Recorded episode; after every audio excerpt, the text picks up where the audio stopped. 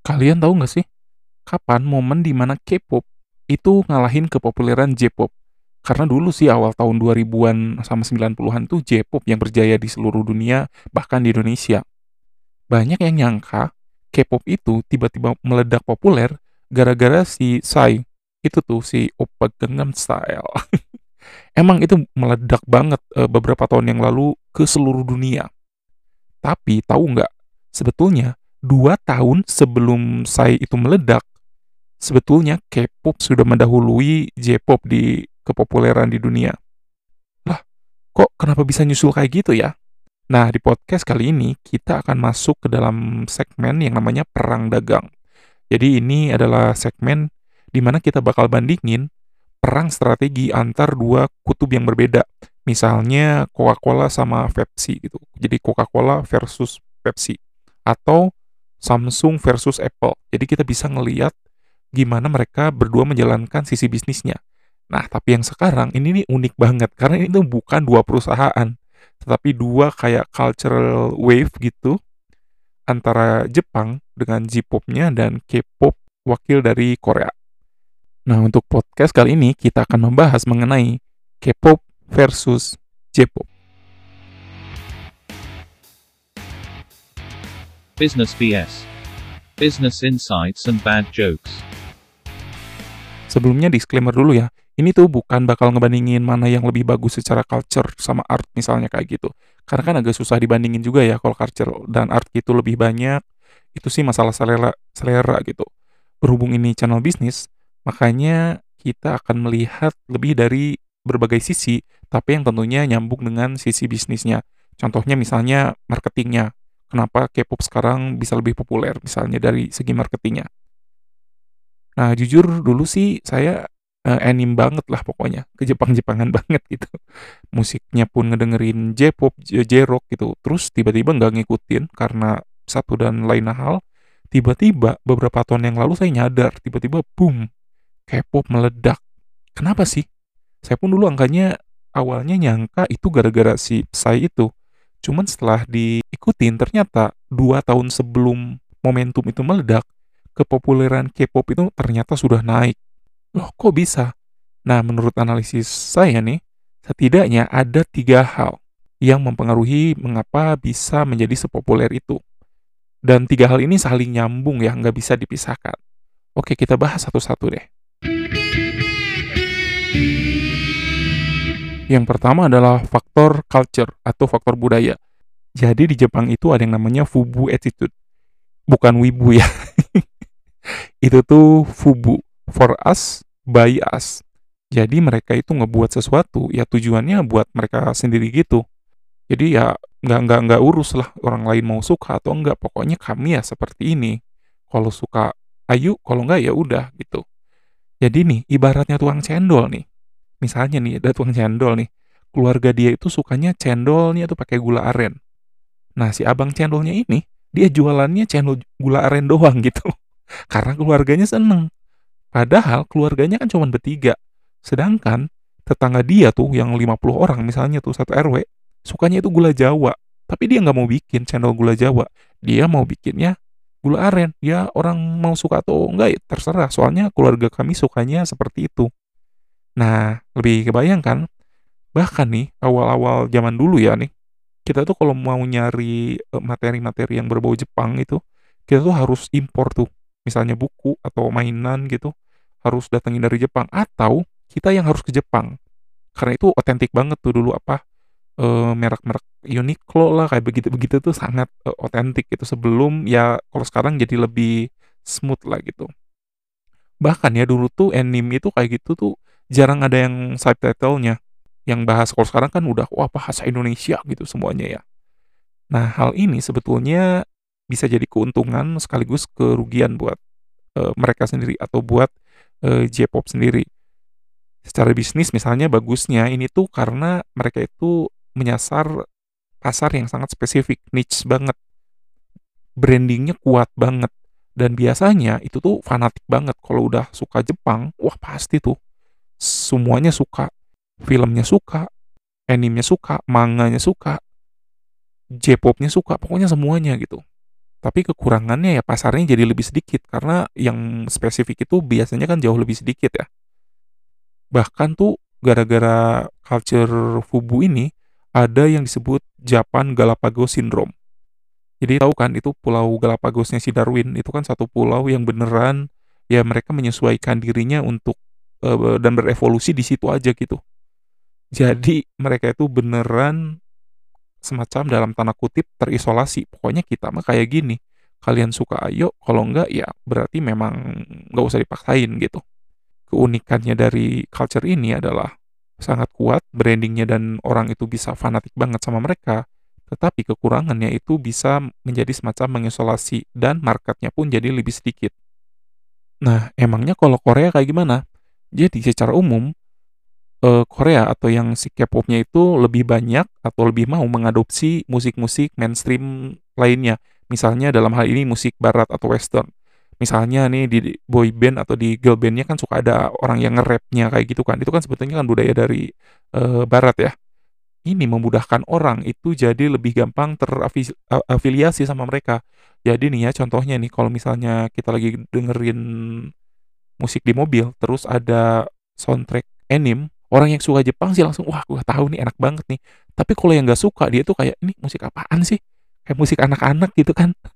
Nah sedangkan kalau misalnya orang yang beneran nggak tahu musik Korea terus dengerin di mobil misalnya musik Korea dia itu ada kemungkinan kayak hmm, oke okay, dinikmati sampai ujungnya ini bahasanya apa sih ini sebetulnya? Cuman karena nada dan lain-lainnya itu cenderung mengadaptasi uh, budaya luar atau budaya lain, jadinya bisa lebih mudah diterima oleh orang yang sebenarnya nggak awalnya nggak suka-suka banget sama Korea. Tapi ini juga ada disclaimer ya, ini tetap Korea ini terasa kok budayanya. Saya harus kayak gini soalnya galak-galak biasanya fans Korea kayak fans Agnes dulu kalau dulu. kenapa ya kayak gitu ya? Kalian saya boleh dong dikasih insight gitu kenapa kalian sangat ini banget apa uh, fanatik dan cenderung tanda kutip agak galak kalau di sosial media. Tapi itu kecenderungan orang Indo bukan sih?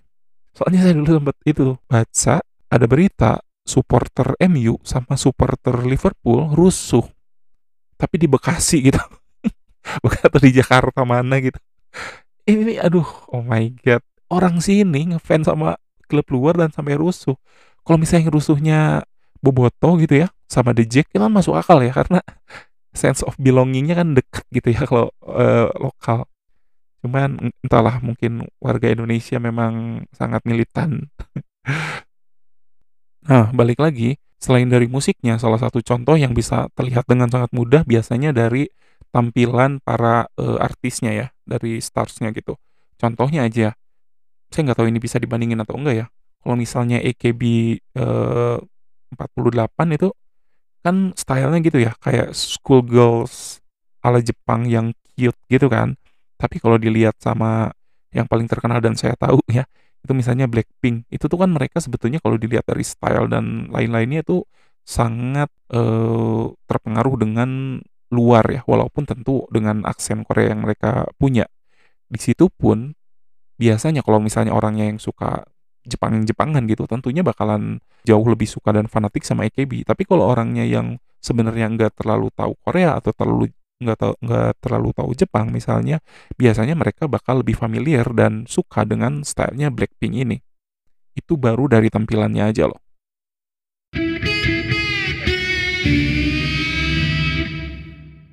Dan faktor kedua yang membuat K-pop saat ini lebih populer dibanding J-pop adalah market jadi tujuan dari K-pop memang itu untuk dimarketkan atau dipasarkan ke warga dunia. Sedangkan Jepang pada umumnya mereka memasarkan musiknya ya untuk warga Jepangnya sendiri. Pada khususnya ya, ya tentunya di luar mereka pun ada yang suka juga gitu. Salah satu faktornya bisa kita lihat dari jumlah penduduk deh.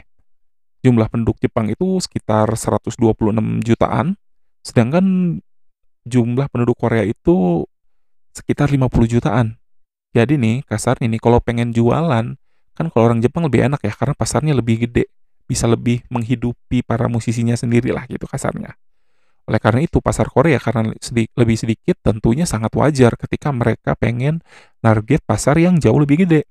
Ya contohnya aja ya musisi-musisi Indonesia gitu kan, bisa kaya raya gitu ya walaupun sebenarnya mungkin orang Korea atau orang Jepang pun nggak tahu itu siapa gitu karena penduduk kita kan 250 juta ya jadi ada satu musik viral aja dia udah lumayan banyak manggung 17-an lah atau apa gitu kan. Nah ini juga diperkuat tentunya dengan seperti yang sudah dibahas tadi. Para musisi dari Korea cenderung lebih mau untuk mengadaptasi musik e, dari barat jadi lebih bisa diterima. Tapi kan ya kalau misalnya ada yang tujuannya ke dunia gitu, tapi kan belum tentu berhasil ya. Ya sama aja ya kayak ini nih kamu-kamu nih yang udah naksir dari SMP ke orang tapi nggak berhasil berhasil kan walaupun udah jelas market yang dituju. Berarti ada faktor yang membuat kenapa Korea bisa memasarkan dengan sangat berhasil. Setidaknya faktornya mungkin yang saya ketahui bisa ada dua. Yang pertama adalah dukungan pemerintah. Jadi nih Korea ini dari tahun 80-an sebetulnya dia itu sudah mengizinkan perusahaan-perusahaan gede dari luar negeri yang bergerak di bidang entertainment untuk masuk ke negaranya supaya mereka pun bisa belajar dan meningkatkan industrinya ini.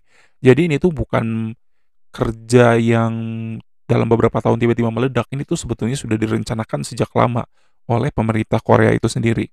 Tapi memang agak terlihat hasilnya oke okay, itu tuh ketika misalnya awal tahun 2000-an udah mulai banyak beberapa ini ya K-drama ya awalnya. Dari K-drama akhirnya setelah uh, orang-orang luar lebih terbiasa dengan budaya Korea di K-drama, akhirnya mereka mulai bisa menyerap musiknya. Dan pelan-pelan dan akhirnya ya di akhir 2000-an mereka langsung melejit tajam.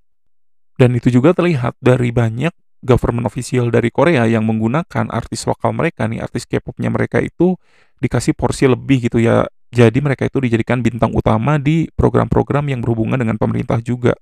Jadi ini misalnya ketika pemerintah ada acara apa gitu yang bersifat internasional, mereka itu bisa jadi brand ambassador-nya. Di Jepang pun seperti itu sebetulnya.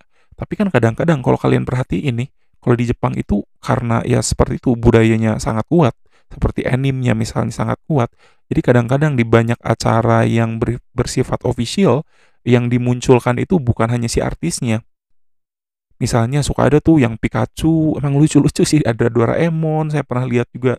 Terus ya pokoknya karena mereka sangat kaya di bidang itu ya. Walaupun di Korea pun ada beberapa komikus tapi memang masih belum bisa menandingi uh, budaya yang sudah terbentuk di Jepang dan ini agak kurang menguntungkannya seperti yang dibahas walaupun anime itu banyak yang sangat terkenal ya misalnya Attack of Titan, Naruto, Doraemon siapa gitu yang nggak tahu biasanya tapi kan itu sebetulnya lebih uh, segmented jadi ini tuh jadi ironi juga sih sebetulnya karena dalam dunia bisnis biasanya yang menguasai niche atau yang menguasai pasar yang spesifik itu jadi keuntungan keuntungannya memang fanbase-nya itu bakalan sangat fanatik kerugiannya tetapi ya jumlahnya nggak terlalu banyak. Jadi susah juga diserap oleh pasar lainnya. Ya oleh karena itu memang pilihan ini bukan mana yang lebih baik dan mana yang lebih enggak gitu. Lalu selain pemerintah yang mendukung, faktor kedua yang juga membuat meledak dari si K-pop ini adalah perusahaan-perusahaan raksasa Korea pada saat itu memang lagi meledak-meledaknya. Ya contohnya adalah Samsung, LG misalnya.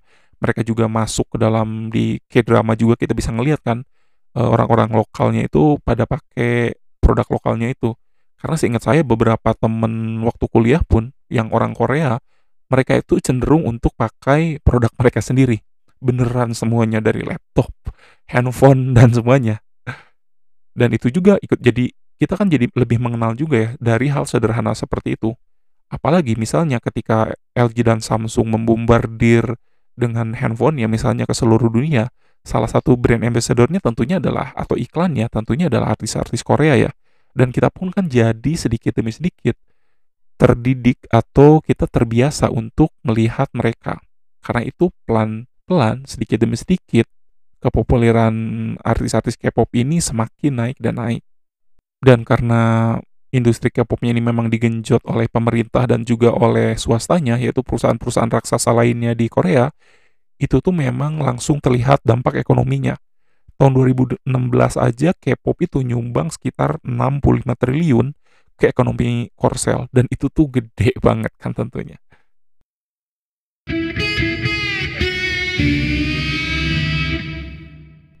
Dan faktor ketiga yang membuat K-pop bisa nyalip J-pop dalam hal kepopuleran adalah akses.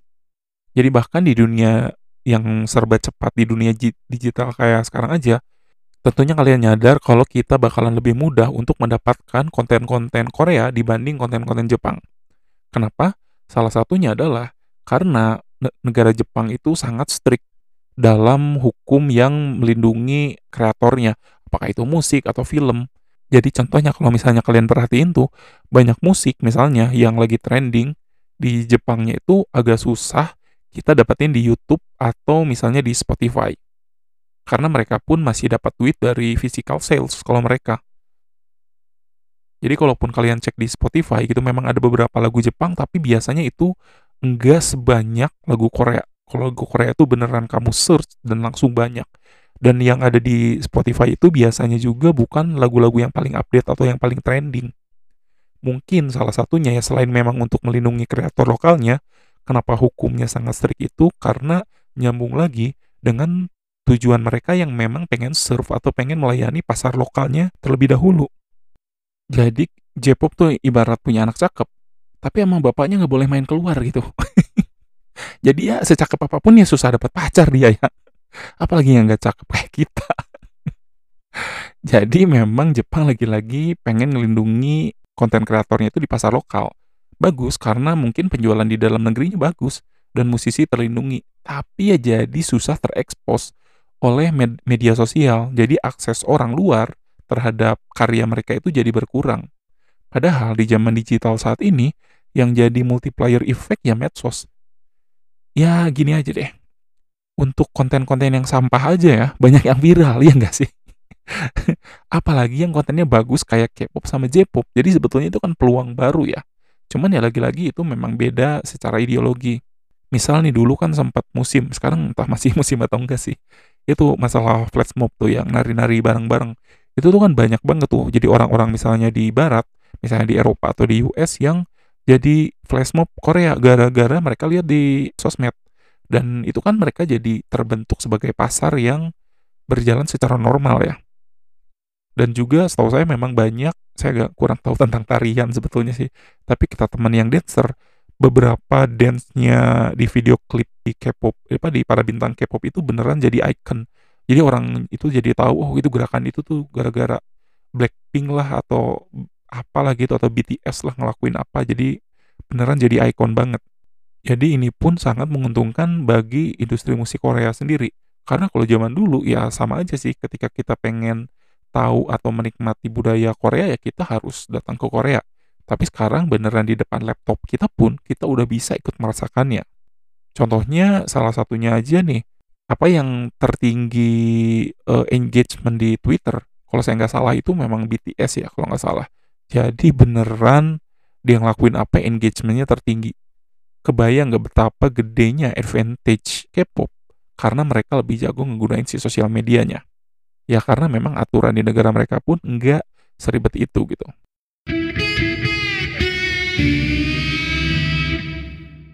Jadi itu adalah tiga hal yang menurut saya mengapa K-pop bisa tiba-tiba menyalip J-pop padahal dulu awal-awal 2000-an itu J-pop yang jauh lebih populer di Indonesia bahkan di dunia. Jadi intinya itu ya yang pertama memang secara budayanya seperti itu. Orang Jepang itu lebih pengen melayani pasar yang ada di negaranya sendiri. Yang kedua tentunya adalah e, strategi marketingnya Korea yang memang pengen ngegedein ke seluruh dunia. Dan yang ketiga tentunya adalah akses yang lebih mudah bagi kita untuk mendapatkan musik-musik Korea. Tapi seperti yang udah saya bilang, ini tuh memang bukan masalah mana yang lebih bagus karena yang saya bahas pun mana yang lebih populer ya. Yang lebih populer kan belum tentu lebih bagus. Tapi yang agak unik dari dua negara ini sebetulnya, ini kalau dari pengalaman pribadi saya ya, entah ya kalau misalnya secara general atau enggak, mereka itu hubungannya dua negara itu gimana ya, agak-agak saudara tapi hambar gitu. mungkin agak mirip Indonesia Malaysia mungkin ya. Ya kalau feeling saya sih gara-gara memang secara sejarah mereka kan sempat uh, berperang juga ya, sempat ngejajah juga. Jadi memang hubungannya tidak bisa sehangat itu. Mungkin itu juga ya salah satu yang nyemangatin apa orang-orang Korea supaya bisa ngalahin misalnya industri musiknya Jepang. Nggak tahu juga sih. Oke, sekian segmen perang dagang kali ini yang ngebandingin antara K-pop dan J-pop. Mungkin ke depannya kita bakal ngebandingin dua perusahaan yang beneran saling mengalahkan dari tahun ke tahun. Tunggu aja apa materi menarik berikutnya, oke? Oke, that's enough BS for today. Cheers! Business BS. Business insights and bad jokes.